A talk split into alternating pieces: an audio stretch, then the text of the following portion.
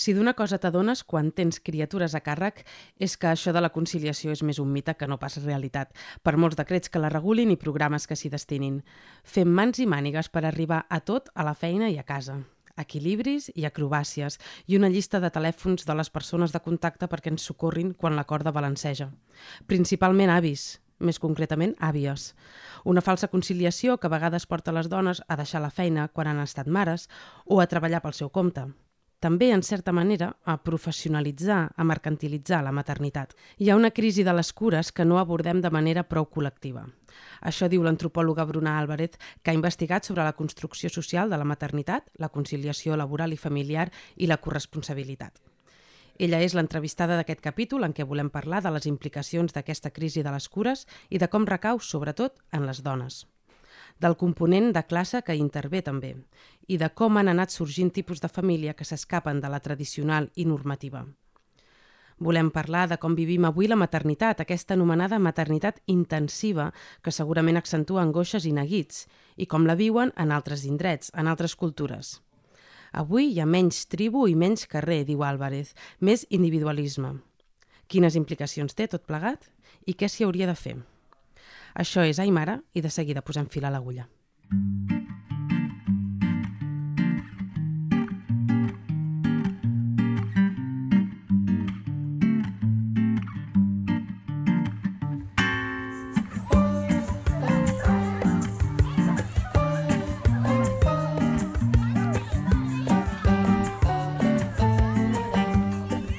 Ai Mare, el podcast sobre maternitats de VilaWeb, amb El Savalla.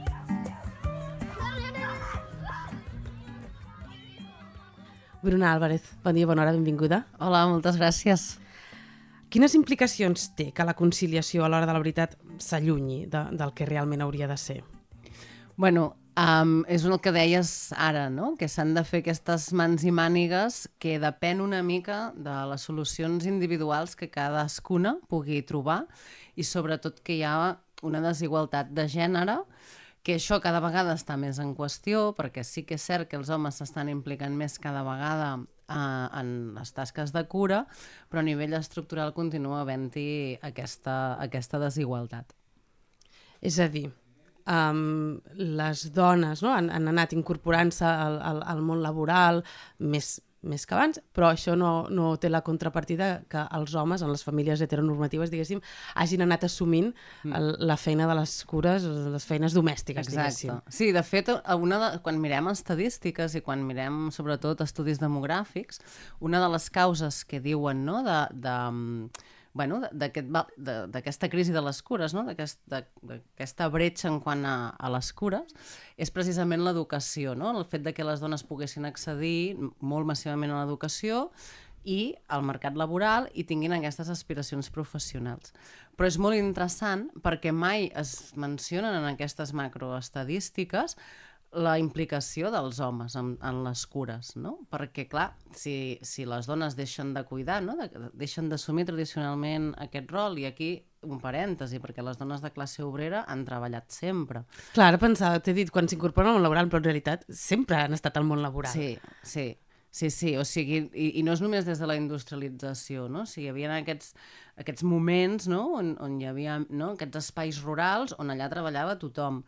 I en algunes entrevistes que vaig fer a àvies era molt interessant perquè en un moment que se suposava que hi havia una gran divisió sexual del treball, quan eren dones de classe obrera que treballaven a les fàbriques, a la zona d'Osona, no? a les fàbriques, a casa i als camps, i els homes feien el mateix, treballaven sobretot als camps i a les fàbriques, però quan s'arribava a casa i s'havia de fer el sopar, la responsabilitat sí que era de la dona, però m'explicava aquesta àvia, no? Em deia, bueno, clar, diu, és que allà havíem de treballar tots, per tant el meu marit arribava i si s'havia de pelar patates, doncs pelava patates, mentre jo feia una altra cosa, perquè és que o ho fèiem així o no ho fèiem. I quan van tenir els fills, bueno, les cures estaven més en, en mans d'ella, però em deia, clar, que quan jo estava malalta, doncs, doncs el meu marit va haver d'aprendre a pentinar la meva filla. Llavors, és molt interessant perquè sempre ho hem plantejat com una gran divisió sexual del treball, i sí que és veritat que molt majoritàriament hi ha molts homes que no estaven tampoc educats en aquestes tasques, no? Les homes que ara tenen al voltant de 40, 50 anys, no se'ls hi deixava participar, no? Més aviat se'ls deia, no, no, tu queda't assegut i no facis res, eren les germanes les que ho estaven fent, no? Llavors, sí que hi ha hagut un gran canvi social, però també en determinades classes la implicació havia de ser de tothom, no? en determinats moments històrics. Estem sent una mica uh, les nostres àvies, doncs? O, o què? O, o intentem fer com ho feien elles i, i incorporar això, que, que els homes siguin més presents a, a, a la llar? Sí, jo crec que això també, um, tornant a posar al centre una mica el factor classe, les classes altes ho paguen. O sigui, Clar. allà deleguen les cures i, i ja està. No hi, ha, no, hi ha, no hi ha una crisi de les cures, no? Deleguen i aquí deleguen, no? I aquí sí que s'ha de mirar aquesta desigualtat, no? Qui, fa, qui està fent aquest treball reproductiu o el treball de cures, no? Moltes vegades són dones migrants, no? I que hi ha aquesta cadena internacional de les cures que deixen en els seus països moltes vegades infants que han de ser cuidats. Però això també ens ho mirem des d'una perspectiva molt occidental, perquè hi ha moltes cultures que és igual que no cuidi la mare, o sigui, no té aquesta idea o no tenen aquesta percepció de que ha de ser la mare, per tant el deixen amb una xarxa de cures, que normalment són dones, i poden ser a vegades veïnes, però no hi ha aquesta sensació de, de que la mare és, o sigui, se sent culpable per no estar amb els seus fills. La mare se'n va i aporta econòmicament. Per tant, és la funció que té aquesta maternitat dins d'aquests altres contextos. I això a vegades um, ens costa, no? des de cultures molt occidentals, entendre-ho així, no? perquè posem aquesta maternitat al centre. Llavors, les classes altes ho resolen pagant.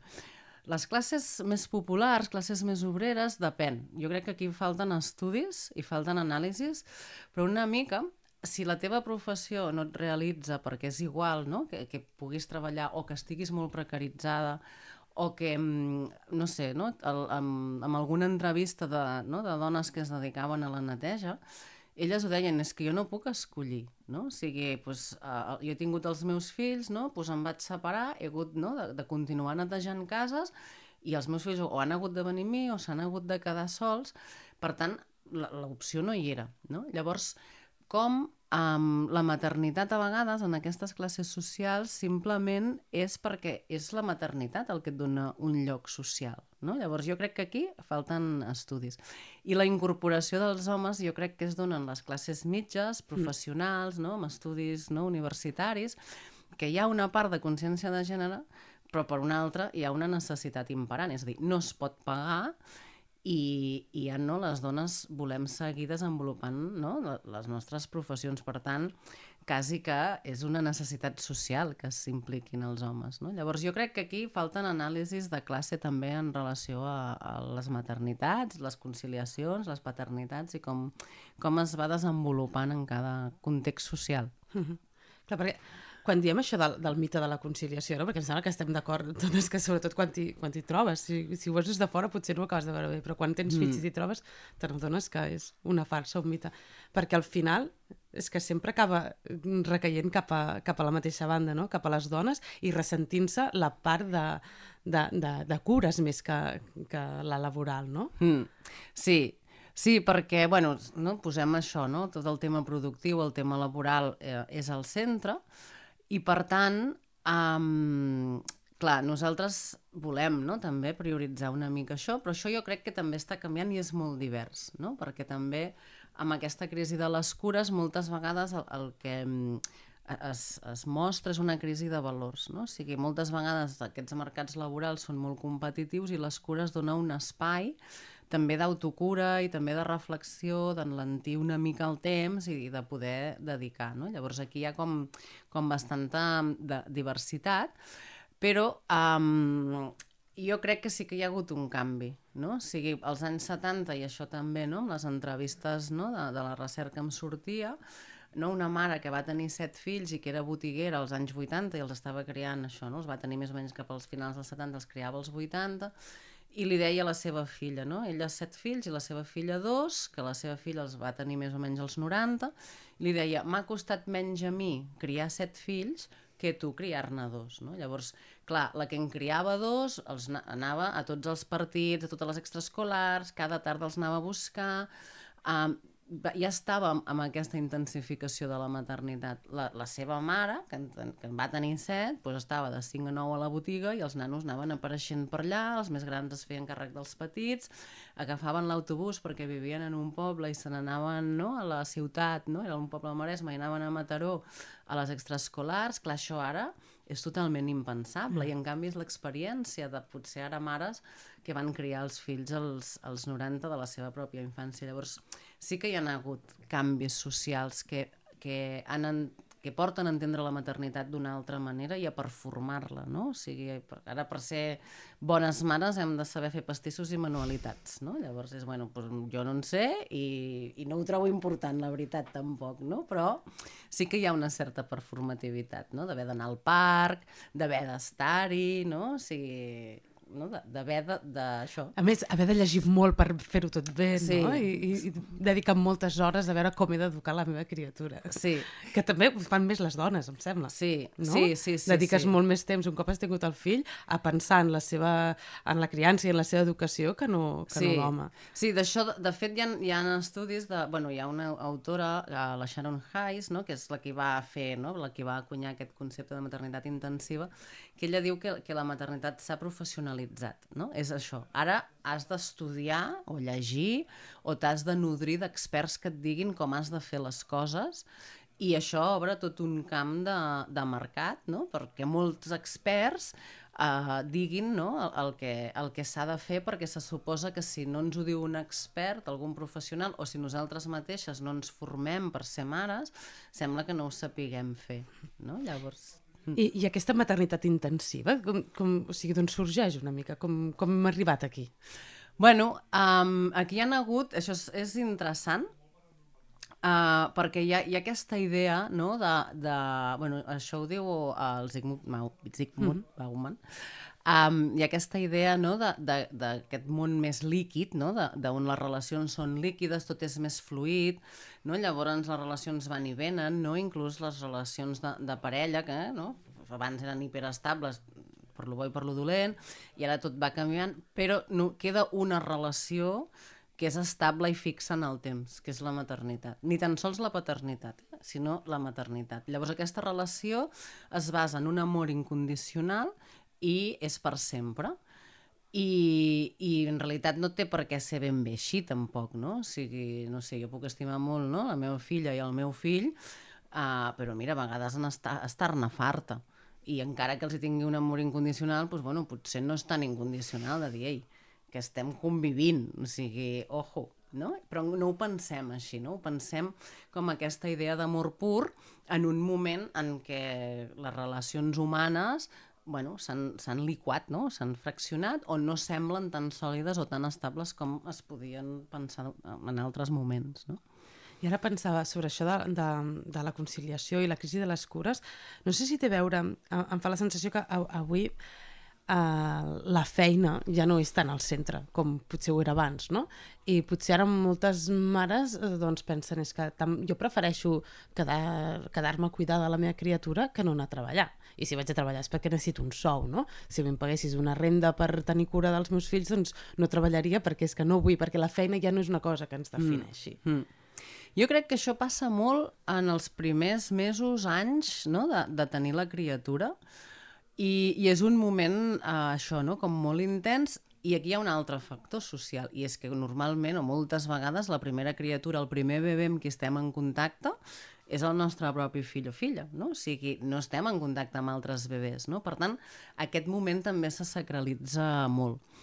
I um, després jo crec que, que, bueno, no? que, que, que va una mica canviant i es va adaptant. Jo també tinc entrevistes que em deien, bueno, jo vaig, les dones heterosexuals sempre, eh, estic parlant, però les dones deien, jo vaig fer aquests primers anys, però quan va tenir 4 o 5 la criatura va ser un acord de parella i ho va assumir més ell. Vull dir que llavors, bueno, no? hi, ha, hi ha com molta diversitat, però aquests primers anys sí que, que, que certament és com intensiu.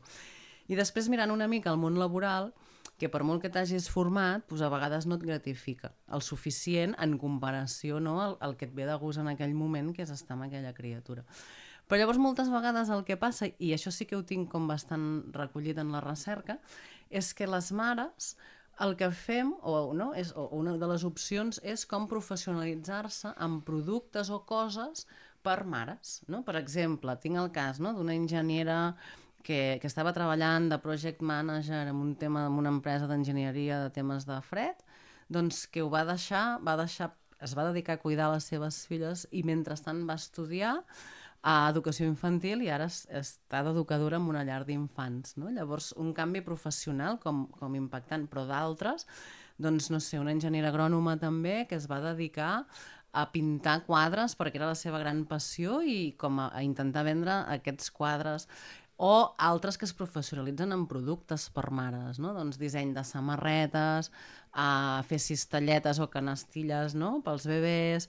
Llavors, a, a, a formar-se també com a assessores en la maternitat, no? Llavors, com que es professionalitza no només el fet de que jo com a mare ho he de saber tot, sinó que com que em reclama un mercat, perquè jo he de, no? o sigui, hi ha aquest mercat de la maternitat, de jo he d'ensenyar, de, no? la gent busca, o les mares busquem aquests assessoraments, doncs jo em professionalitzo no? cap a aquesta banda, no? Llavors, Uh, al final no deixen de ser relacions de mercat, Mercantil, no? sí, sí. I, i, i els experts també, és, eh, això ho veig molt a Instagram, no? Eh, els consells, els coneixements que, que fins ara doncs, comparties l'un amb l'altre, ara és apuntat a aquest curs, apuntat a aquest altre taller, i tot és pagar i pagar per aprendre a fer de mare. Sí, això és molt interessant i això ha sigut un canvi molt ràpid, perquè jo, jo vaig tenir la meva filla i el meu fill el 2008 i el 2011, i en aquell moment eh, tot el tema de lactància es movia amb persones voluntàries que, que feien una feina de voluntariat brutal i llavors tu anaves i llavors ja es buscaven formes de reciprocitat, però estava molt pensat des d'una perspectiva de xarxa.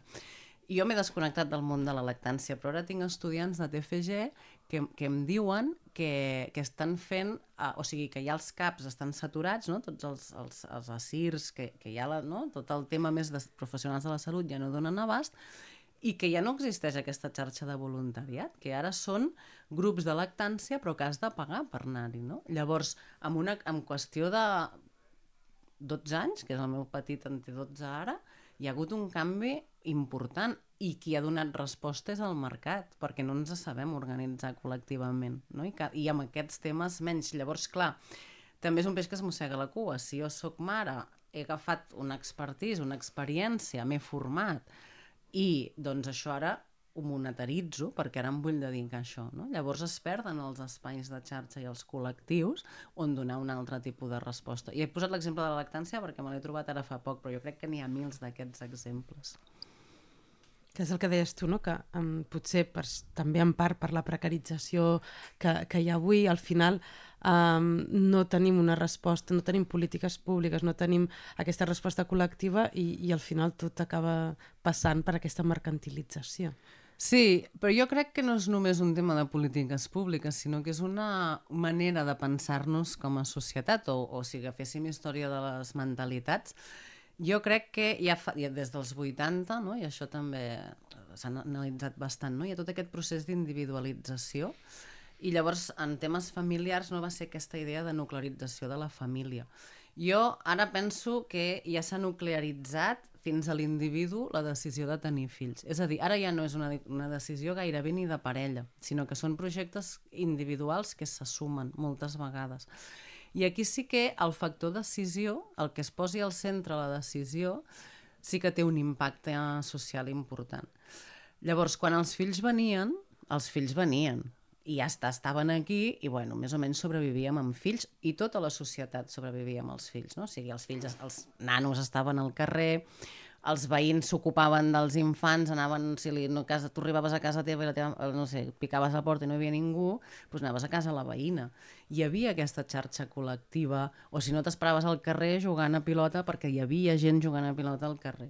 Ara prohibeixen jugar a pilota a les Ara places. prohibeixen jugar a pilota, per tant, els nanos no tenen cap tipus de- d'autonomia. No? I a més a més, com que jo he decidit tenir fills, i a més a més ho he anat retrasant, perquè mm, necessito una determinada estabilitat, necessito unes determinades condicions materials per poder prendre aquesta decisió, la frase que m'han dit moltes mares és jo si, me- si ho he decidit jo me n'ocupo jo no? perquè si no, doncs no, no, ho hagués, no, no, ho hagués, no ho hagués decidit. No?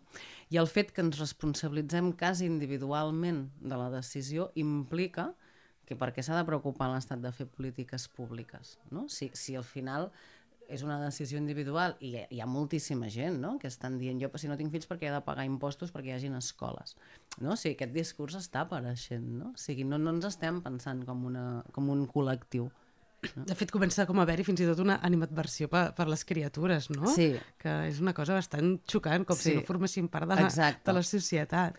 Els sí. tenim com sí. separats, no? Sí. I si tens nens, no vinguis, que fan nosa. Sí, Sí, sí, tal qual. I, de fet, amb moltes amigues no, que, que han migrat de Llatinoamèrica, la pregunta de d'on estan els niños, no? Eh, perquè no estan al carrer. Llavors, si pensem en, en aquestes... Com, com ens organitzem socialment, no? Els infants estan a la llar, a l'escola, després extraescolars, i no, hi ha, no es tenen cap espai, ni un sol espai que no hi hagi una presència d'adult. No? O sigui, potser el que s'hi acosta més és bueno, els esplais que hi ha aquests adults joves, però hi ha un, adults joves que estan supervisant. Llavors els infants no tenen espais de sociabilització sense cap tipus de vigilància adulta, no? perquè estem al parc i estem mirant de, no, no, no? de, de que no li passi res. Llavors, clar, estan vivint amb, amb, amb cotó fluix, mm, i llavors, eh, bueno, això podrien fer més coses, no? O altres cultures, els nanos fan moltíssimes altres coses, no? Des d'ajudar en, en temes de, de feina, o sigui, amb amb la capacitat que poden, no? pues feines agrícoles, i que donen un cop de mà i, i, i és molt interessant com a poc a poc se'ls va donant més responsabilitat segons el que puguis fer. O ara que vaig estar a Ciudad Juárez, amb, amb, també en temes de recerca, i vaig estar en contacte amb unes indígenes rarámuri, que elles diuen que a partir dels 5-6 anys la seva maternitat s'acaba, perquè és quan els infants ja poden cuidar-se de les cabres i, i perquè has d'estar darrere d'un infant que ja es pot valdre per ell mateix. No? Llavors, hi ha un, unes cures socials no? a nivell de menjar, d'alimentació, però, però ja està. O sigui, va a l'escola, torna, entreu a pasturar les cabres i si s'ha de fer alguna de menjar, doncs es fa. Llavors això ens xoca moltíssim en les nostres cultures més occidentals de pensar com pot ser que un nen de 5-6 anys, que aquí tot just comença no, la primària, um, pugui quasi desenvolupar-se, no, no com un adult, però sí com un ser autònom, no? o molt autònom. Sí, sí. És interessant això, que posar-ho en perspectiva amb altres cultures, perquè ens pensem que la nostra manera de viure és l'única en el món i només som un, una part petita de, del món. No? no sé si hi ha més exemples de tu que, que ho has estudiat de, de com es viu això en, en, altres, en altres societats per comparar-ho una mica. Sí, hi ha, hi ha un, un documental que és molt interessant que es diu Babies, que fa el seguiment eh, durant el primer any de vida, i són bebès, eh, de, dels bebès, amb quatre cultures diferents. Jo diria que és Japó, Estats Units, a Mongòlia i amb, el, amb, bueno, amb una cultura africana que ara no em surt el nom. Però és super interessant perquè hi ha imatges uh, bueno, molt, molt xocants i, i, i el tràiler del documental comença no? que estan el, els dos infants no? que són negres africans en una cabana i un té, un, no sé, deu tenir 9 mesos i l'altre té potser un any i mig, dos, i estan jugant amb uns molins de pedra a moldre gra i, i s'esbrallen i no es fan mal amb les pedres. Jo sempre he pensat que els meus fills el primer que haguessin fet és tirar-se la pedra que tenen a la mà al cap, i no, no ho fan. Llavors és molt interessant com aprenen molt ràpid el que poden fer i el que no, i on està el límit de poder fer mal als altres. No? Llavors això és un tema de cultura, no? com, com els estem permetent que, que assumeixin determinades riscos, decisions i responsabilitats i a quines edats, no? I la nostra, això ho anem retrasant cada, cada vegada, vegada més. més. Eh? I de fet ara, eh, que parlaves d'això, um, també cada vegada es reivindica més la tribu, que és, sí. que és una cosa que hem anat perdent, perquè entenc que sí que, que la teníem, no?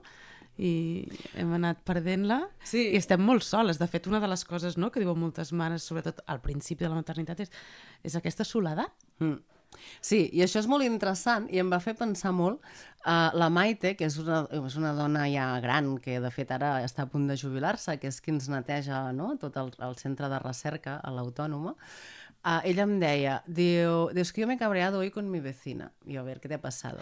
Dice, tiene un hijo pequeño y en vez de llamarme a mí, ha hecho venir a su madre de no sé dónde, pues yo ahora no le voy a pedir ayuda, porque si ella no es capaz de pedírmela, y digo, ostras, dic, súper interessant. Sí, tal Quin no? canvi, sí, sí. I jo en aquell moment, que tenia els fills més petits i no suportava haver de demanar ajuda a, a, pues, a les mares de l'escola, a les veïnes... bueno, a les més grans no, era molt, molt agradable poder-los demanar ajuda, no? Les veïnes que ja estaven jubilades i que ja, que ja eren àvies, perquè hi havia una altra relació Sí. d'empatia.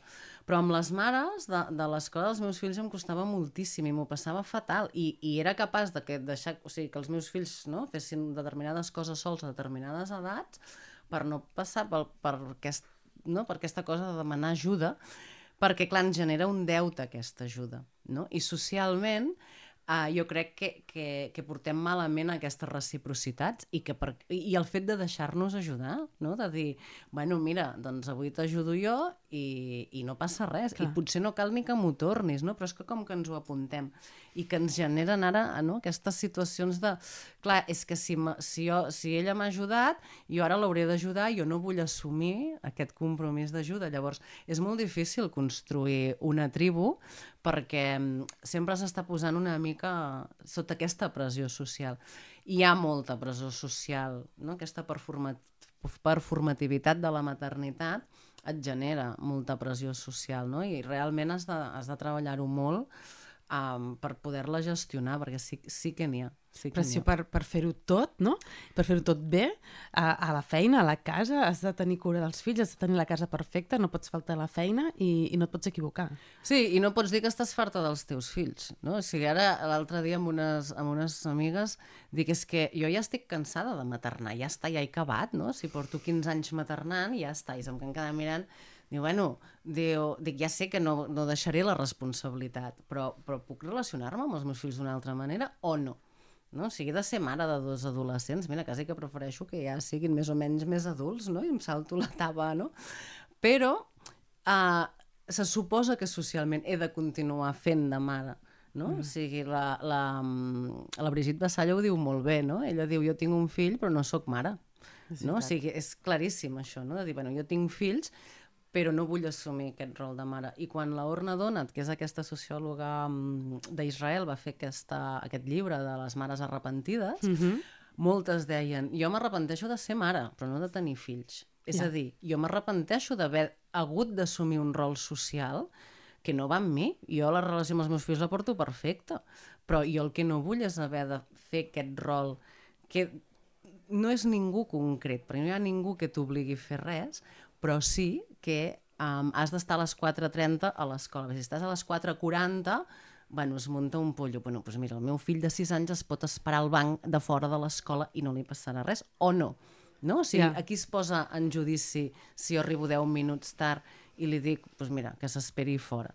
Per què? Perquè no podem deixar un infant a fora, encara que la família estigui d'acord, perquè no poden estar sols. No? Llavors, tot això són construccions socials que afecten a la nostra manera, a la nostra criança, a la nostra manera d'entendre no? el món no? I, i sobretot la maternitat. I, I que la tens com molt a dins, no? És a dir, tu no tens la sensació que ningú t'obligui a fer les coses d'aquesta manera, però la tens com, aquesta pressió social tu la tens com incorporada dintre, no? Sí, perquè tu també penses um, com ha de ser la bona mare. Això és un concepte cultural. No? Llavors, tu, tu vols ser bona mare, no? com, tu, com totes les mares, que ja dic ara que ho som totes de bones mares, no? però tu vols ser-ho. Llavors, tu mateixa tens inculcats no? uns significats socials i culturals de com ha de ser aquesta bona mare. I aquesta bona mare moltes vegades no encaixa i pot no encaixar amb la manera de ser d'una dona, de dir, doncs mira, això deia abans, no? pues jo manualitat sóc un desastre i no, no tinc per què aprendre ni frustrar-me'n perquè no em vull aprendre. Però moltes vegades um, no és així, sinó que ens forcem a fer allò que pensem que han de fer les bones mares, tot i que no va gens amb la nostra manera de ser o de pensar inclús, no? però que no ho sabem separar. No, no, no podem dir um, és que això és un tema social que no va amb mi, perquè realment jo crec que ser bona mare és això. Ja. No? Llavors és difícil. I, I creus que intentem fer-ho tot al revés de com ho vam veure fer les nostres mares, una mica?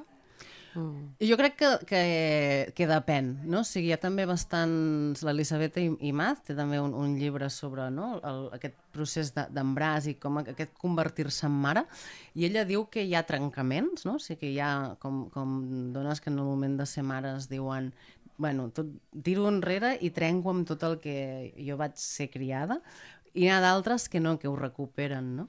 I aquesta figura que a mi em sembla molt interessant, que són aquestes mares que també són filles, um, jo crec que és un espai de diàleg i de i d'entesa, d'empatia, d'entendre moltes coses i d'apropament intergeneracional, que és molt interessant. I també de dos moments històrics uh, diferents, diferents, no? Llavors és un, és un moment que permet no? com, com generar també una relació no? amb, les, amb les nostres mares d'una altra manera, no? Clar, això no sé si hi ha estudis fets... Fa, fa poc vaig llegir una, un article al diari, crec que era, que juntaven mm, mares i filles que, que eren mares ara, no? I, i explicaven això, i com en algunes coses s'entenien i en d'altres era com... No, ara les coses, és això que et deia, no? Ara les coses es fan diferents, mama, tu em vas tenir en una altra època i ara necessito que facis això així amb els teus nets, no? Sí, però això és molt interessant també, perquè se suposa que, i això a vegades també passa amb parelles heterosexuals, amb, amb l'home i la dona, o, i, o amb, amb, el, no? amb els avis o àvies, o que assumeixi també, a, a, o sigui, altres persones que no sigui la mare que, que cuidin, no? Que suposa que és la mare el que ha de dir als altres com fer-ho, o no? O si hi ha cangurs, etc. Jo sempre havia pensat una mica al revés, és a dir, tu fes-ho com tu creguis que ho has de fer, encara que jo no estigui d'acord, perquè tampoc passa res si hi ha desacords amb la criança, que això jo crec que és un altre mite i també necessitaria més, més anàlisi, no? Però hem d'estar d'acord l'escola i la família. Bueno, doncs mira, no. I, i, i no, no, jo no tinc per què pensar com l'escola. I no hi haurà cap escola que pensi com jo, segur, si no l'hagués fet jo a l'escola. Llavors, és, no, és ensenyar les diversitats d'opinions. És a dir, mira, a l'escola això no ho pots fer. I a casa potser sí, doncs ja ho parlarem, o al revés, no? Igualment amb les criances, de dir, mira, si jo li he de donar, no sé, no? ara això de, de jo què sé, del menjar, no? que, que es deixa no? menjar els nanos, ara també, no? Una, bueno, no? La, la directora del grup de recerca, que ara és àvia, explicava, clar, és que deixar-li tot el menjar diu, a mi em genera mm. estrès, perquè jo no ho faria així, no? Li donaríem una cullera i tot quedaria una mica més controlat, però clar, ho he de fer d'una altra manera. Llavors jo pensava, per què? O sigui, el nano no li... No, o sigui, per què no ens podem créixer en la diversitat de maneres de fer les coses diferents, que a més a més jo crec que enriqueix i, que, i això que dèiem abans de les cultures ho podem aplicar amb les persones, no? de dir, com més diversitat d'opinions, de maneres de fer, de, de diferents maneres, de, de diferents enfocaments, més perspectiva de, de doncs mira, potser el nano se sent millor si li dones amb una cullera i no passa res, no? Però, en canvi, com que estem com guiats molt amb una única manera de com fer les coses i, i ha de ser tot com, com, com ho diuen els experts, sí, sí. ens perdem moltes vegades de poder incloure diversitats. I a vegades això passa amb, com que també he fet també coses de corresponsabilitat amb mm. parelles heterosexuals, que se suposa que és la, la dona, que és la mare, la que en sap no? i ha de transmetre d'alguna manera aquest coneixement al, al pare de la criatura, quan se suposa que el procés d'embràs, de, de, bueno, l'experiència del cos sí que és diferent, però una vegada neix la criatura, perquè no es formen els dos, o perquè les mares han d'estar sempre eh, com ensenyant, no? de dir, mira, tu fes-ho a la teva manera, i no sé si, no sé si alguna cosa Mm, no va com tu creus, doncs, bueno, mm, ja, ja t'espavilaràs. I això costa moltíssim, jo crec, dintre dintre d'aquestes relacions de parella. Justament això em parlava amb, amb una amiga fa, fa uns dies, que, que em deia això, no? que, que sembla com que les mares tinguin aquest, un dret més un, que, que la parella home no? respecte a la criatura i llavors és com, bueno, d'acord, som el pare i la mare, però primer sóc jo que sóc la mare i després vens tu, no? Llavors mm. hi ha aquesta relació desigual. I això també és un procés, no? De, de vale, potser no farem les coses igual, entenc que s'ha de, de parlar perquè hi ha d'haver una mica d'entesa sobre com vols criar la teva criatura, no? Però més enllà d'això... Um, com deixar anar una mica, no? Mm. Que, que costa. Potser és la cosa aquesta de l'instint animal i de no voler deixar a la criatura, eh? Però s'ha d'aprendre a, a deixar-la i dir, és, la, és el seu pare, sabrà fer-se encàrrec, no et preocupis. Sí, i a més una mica que després reivindiquem aquesta corresponsabilitat, no? Però costa mm. deixar anar, no? Llavors ara tinc una amiga que em deia, no?, que, té, que, que ara la seva filla dorm a la seva habitació però ja comença a dormir a, a, bueno, amb el seu llitet i diu, clar, és que la nit uh, plora i, i se'm posa sobre meu i jo no puc dormir bé i tal. Dic, bueno, dic, i la teva parella? No, és que la meva filla no vol la meva parella, em vol a mi. I jo pensava, en aquell moment, i, i, i jo no tampoc ho vaig fer, eh? vull dir que ara és molt fàcil parlar amb els fills ja grans, però ara vist des d'un de, des altre lloc penso, i per què no dius, mira, és que jo no el em hi ha. llevo. O sigui, no m'aixeco, vull dormir i, i me'n vaig a dormir en una altra habitació, si és que, o al sofà, és igual. Però jo vull dormir, per tant, aquesta nit te n'ocupes tu. I això és molt difícil com a mares, perquè la sents plorar, ja estàs pensant que la teva filla et vol a tu i que l'altra, doncs, no, normalment pensem que no té eines i, i sent honestes pensem així, és que no en sap prou, no? I, i ens costa molt, no? O sigui, bueno, jo tinc amigues psicòlogues i, i que, que moltes sessions que fan amb mares de nadons és per precisament per, per inculcar o per transformar la narrativa i posar també no, de, la, no només la, la responsabilitat dels pares a cuidar, sinó també no, la, la, la corresponsabilitat per part d'una parella, en aquest cas heterosexual. No? Llavors, són, són coses molt profundes, que són molt difícils, perquè ho sentim molt, molt innat, no? Lo de l'instint que deies tu, no? Sí. És I és també cultural, això? Bueno, dir, jo- Perquè potser és el que hem vist, no? Hem vist les mares dient als nostres pares "Mm, deixa, ja ho faig jo, que tu no en saps. Sí, No? sí, no, sí, sí, hi ha una manca de referents de, dels homes segur i molts, i molts homes ho diuen, no? Que, que no tenen referents de, de, no només de paternitat, eh, sinó de masculinitats i tot aquest procés, no? Ja s'està reflexionant i hi ha molts homes que estan com aquesta idea de construir-se i pensar-se des d'un de, des altre lloc, um, però sí que, que um, bueno, que ho hem vist així i jo crec que es necessita un procés de, de reflexió no? de, i, de, i de potser admetre que no serà automàtic però d'anar de, deixant anar una mica, no? I, I jo penso sempre, no?, que les mares hauríem de ser més pares i els pares més mares, no?, i, i trobar una mica l'equilibri. I en una, en, una altra, en una entrevista que vaig fer per recerca em deia, no?, una, una mare em deia, clar, és que quan jo vaig a sopar amb les amigues i es queda no, la meva parella a, a fer el, a, a sopar, és que se sopa pizza. I els dies que jo estic a casa uh, sopen verdura. Clar, jo també vull el dia de, de festa i de sopar pizza, perquè si no sempre es fan coses guais amb el pare i el que toca fer amb la mare.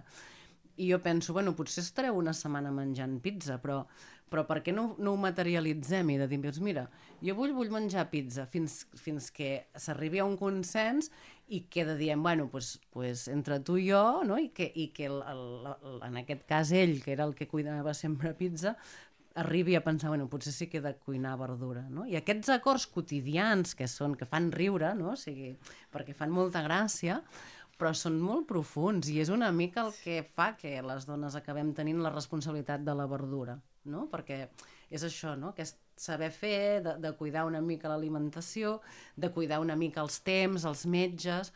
Al final, si, si, si no estem a sobre, no tenim la confiança que l'altre ho farà. I això és un peix que es mossega la cua, perquè molt, quan jo entrevistava també els pares em deien, bueno, doncs que ho faci ella.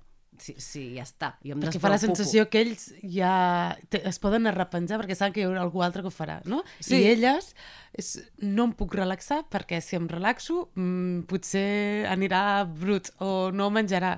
Sí, i, i perquè quan ells intenten, no? que això m'ho deien mol, molts pares quan jo els entrevistava, no? ells eh, intentaven fer les coses, però com que sempre hi havia aquesta idea de no, així no s'ha de fer, s'ha de fer d'una altra manera, al final deien, pues mira, fes-ho tu, ja està.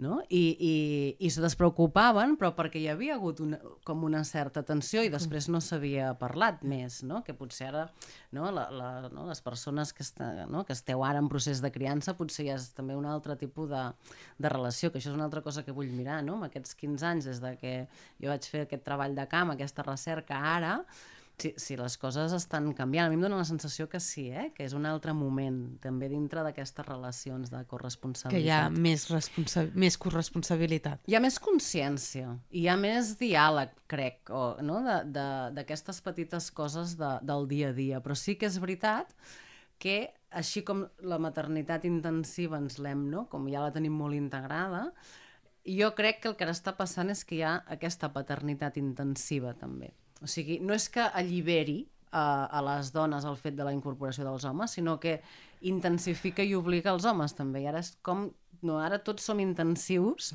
i ningú deixem anar. Uh, una mica és la, la, el que jo miraria ara si pogués fer una recerca sobre, sobre això. I en aquest sentit, eh, l'element càrrega mental perquè no? quan ara que explicaves tot això em feia pensar en això, en la càrrega mental, que és això, aquesta feina que no es veu, però que és, és, és diari, és constant. Mm. És aquell no, no poder desconnectar el Mm. cap en cap moment, ni tan sols a vegades quan dorms, no? Mm.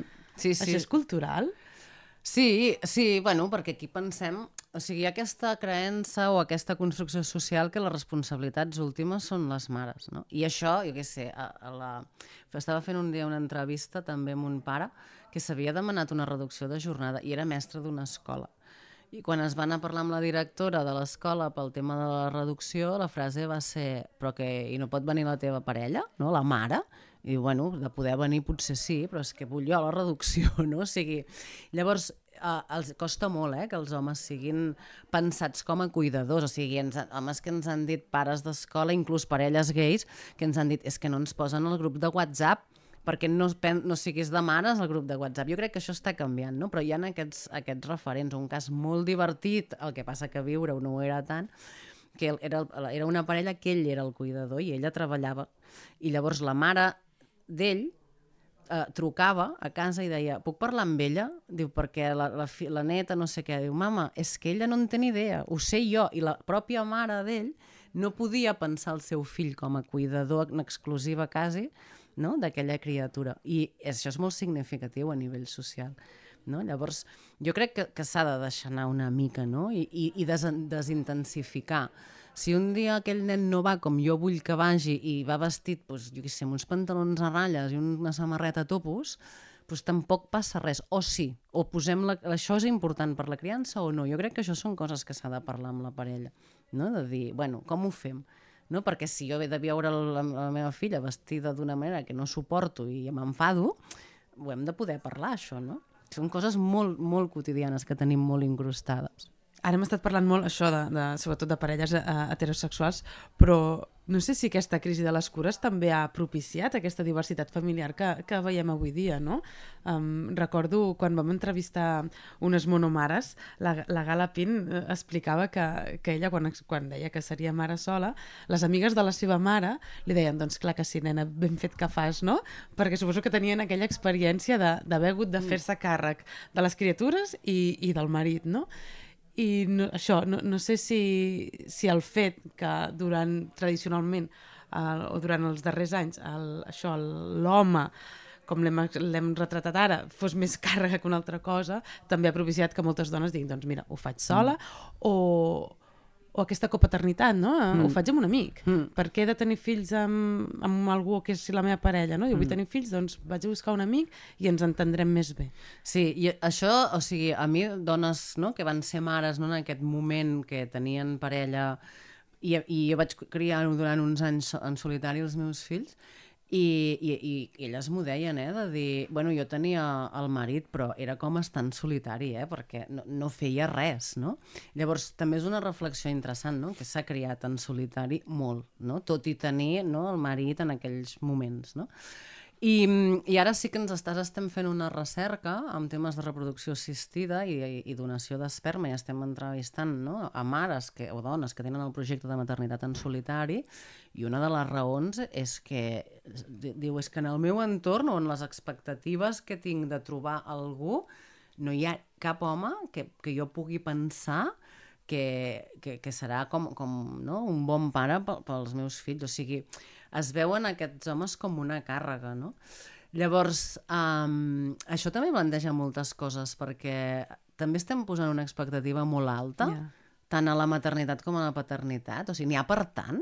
O sigui, és total és tenir un, una criatura que creixi, si, entre cometes, gairebé creixen sols, perquè mira, es van fent grans i llavors jo crec que la pròpia intensificació i sacralització de la maternitat implica que quasi sóc jo l'única persona adequada per criar-los. No? Ja.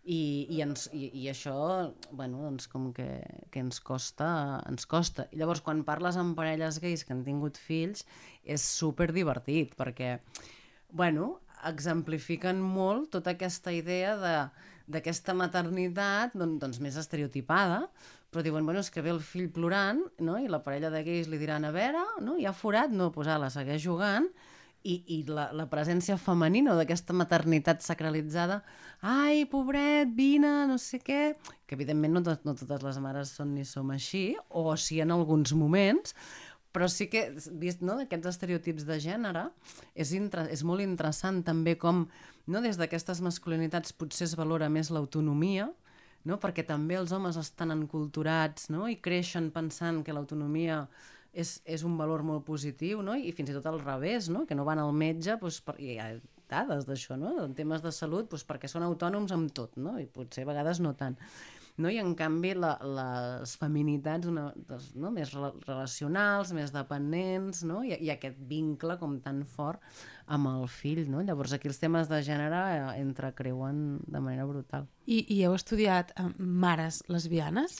És a dir, ja, ja entenc que hi ha una corresponsabilitat bastant mm. més clara sí. que quan en les parelles heterosexuals. Sí, sí, ara que estem fent amb, amb donació d'esperma, n'estem entrevistant a moltes, i la veritat és que es minimitzen uh, moltes situacions de, de desigualtat. No? Són, són, són parelles i com molt equitatives i bueno, sí que se senten molt qüestionades per aquesta figura masculina de dir, bueno, és que no hi haurà pare i elles es queden en plan, quasi millor no? que no hi sigui perquè... Per què, no? Però i és, és molt interessant també com gestionen tot el tema de la gestació, perquè estan, no? poden gestar les dues, llavors com construir també una maternitat quan no has gestat, sent dona, no? Llavors aquí jo crec que és, que és molt interessant plantejar i, i, i escoltar i observar totes aquestes experiències de maternitat perquè també ens ajuden entendre les diversitats de maternitat no? i com la qüestió de gènere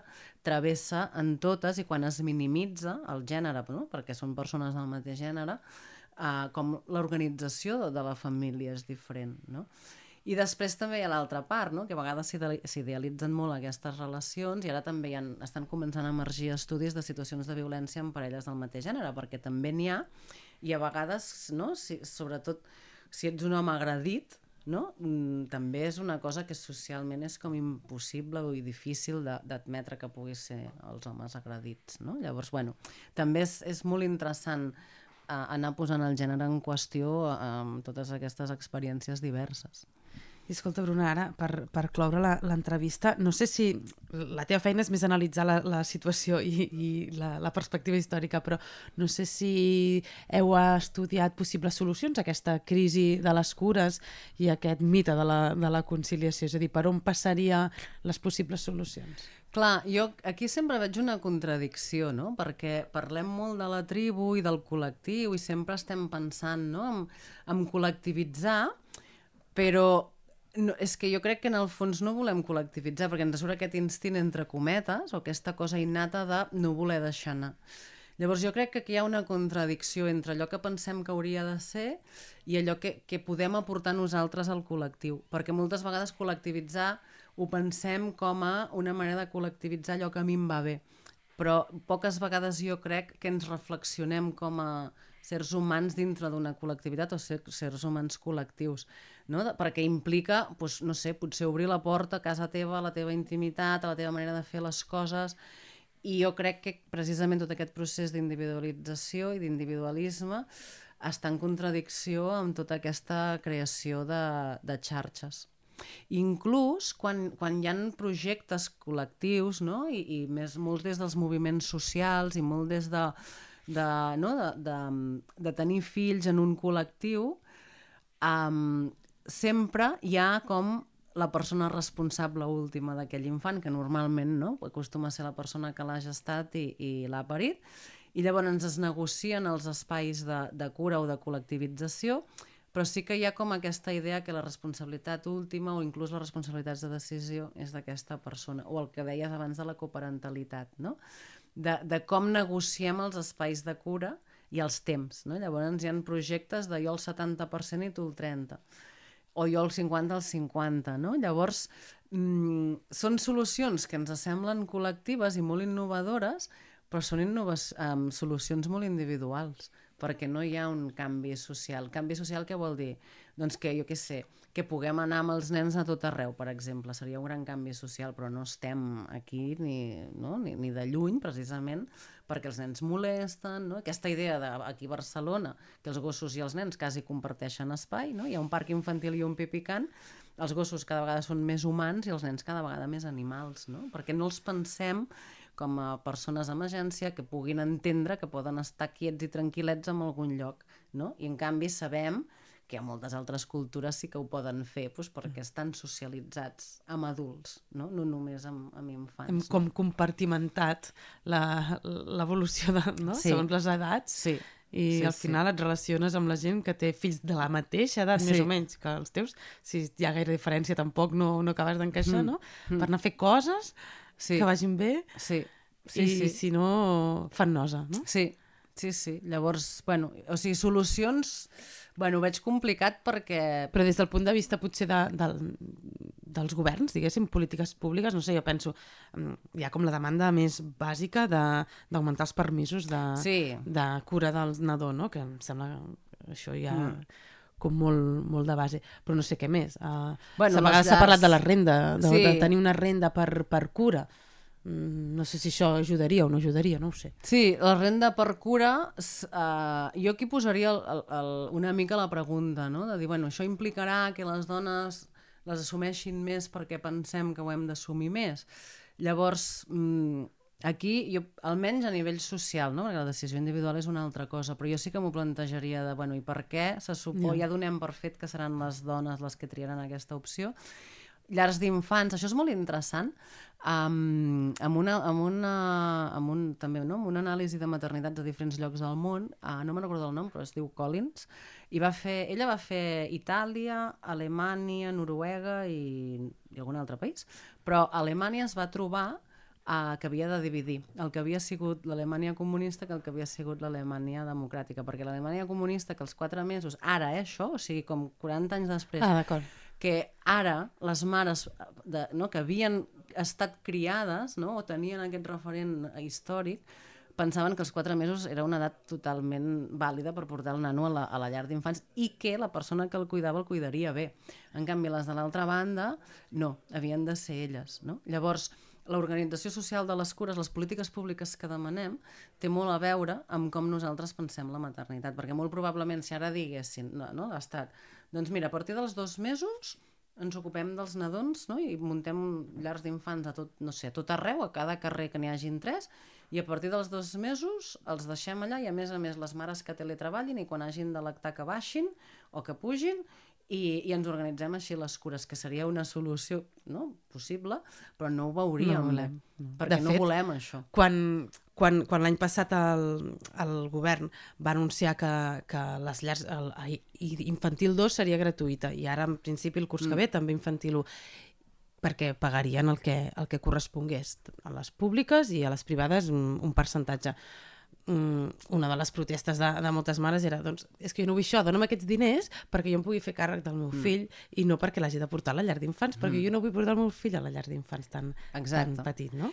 Clar, però això està vinculat amb aquest procés de decisió, que jo, si ho decideixo, me'n faig responsable, i a més ho vull disfrutar, i vull tenir aquest espai de relació amb el meu fill. Llavors, són difícils trobar solucions col·lectives quan ja partim d'un projecte gairebé individual o com a molt de parella.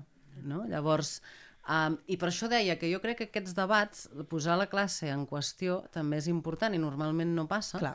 perquè hi ha dones que no tenen opció. O els hi posen la llar d'infants des, del minu, des del mes 1, o aquestes dones, o sigui, de fet, amb, amb, quan, quan hi ha situacions de pobresa, ser mare augmenta el risc de pobresa perquè realment no pots treballar. Llavors, hi ha, hi ha moltes dones amb fills que no tenen cap opció de conciliació, perquè no, no hi ha una estructura muntada. I, per tant, um, hi ha situacions de precarització i, pobresa vinculades al fet de tenir fills a càrrec. No? Llavors, que la maternitat sigui un risc de pobresa, perquè no hi ha polítiques de conciliació, um, és complexa. I no n'hi han per això, perquè moltes vegades a dir, doncs, posem llars que puguin atendre els nadons de, de qualsevol edat i, i que ja, no? poder permetre que les mares puguin treballar per sobreviure, això ja entra també en un debat social, perquè no és el model de maternitat que, que volem ni que tenim, no?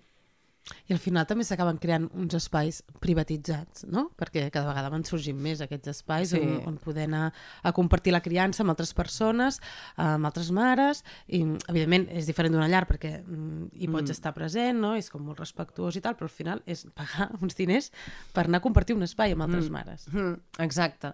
Sí, sí, sí. I normalment no, també hi ha no, algun professional que està com donant algun tipus d'assessorament o de crear l'espai o del que és millor i, mm, i després una mica bueno, aquesta cosa de, de que et relaciones amb mares, i jo crec que això és important, perquè sí que és veritat, no? que aquests moments no? necessites aquesta empatia i que precisament per això, aquesta separació que dèiem abans, moltes vegades és difícil trobar-la amb altres persones. Hi ha molts trencaments d'amistats pel fet de ser mares i, i de, no, de no poder mm, mantenir determinades amistats perquè es trenquen les empaties, perquè tu estàs en un altre, en un altre moment, no? Llavors, bueno, són, són circumstàncies que, que cal tenir en compte, però sobretot pensar això, no? que la solució depèn molt de la pròpia construcció social i de com pensem la maternitat. No? Llavors, bueno, jo com a pregunta de recerca, eh, de posaria això, de dir, bueno, si hi ha una renta de cures, implicarà no, augmentar una divisió sexual del treball o no? bueno, s'hauria de, de mirar i pensar i, i reflexionar, no? Doncs amb aquesta pregunta, aquesta reflexió acabem. Ha estat un plaer, Bruna. Molt interessant escoltar-te. Moltes gràcies. Moltes gràcies a tu, Bel, pel, bueno, pels podcasts, pel tema i per la diversitat de, de temes que treus. Merci. A reveure.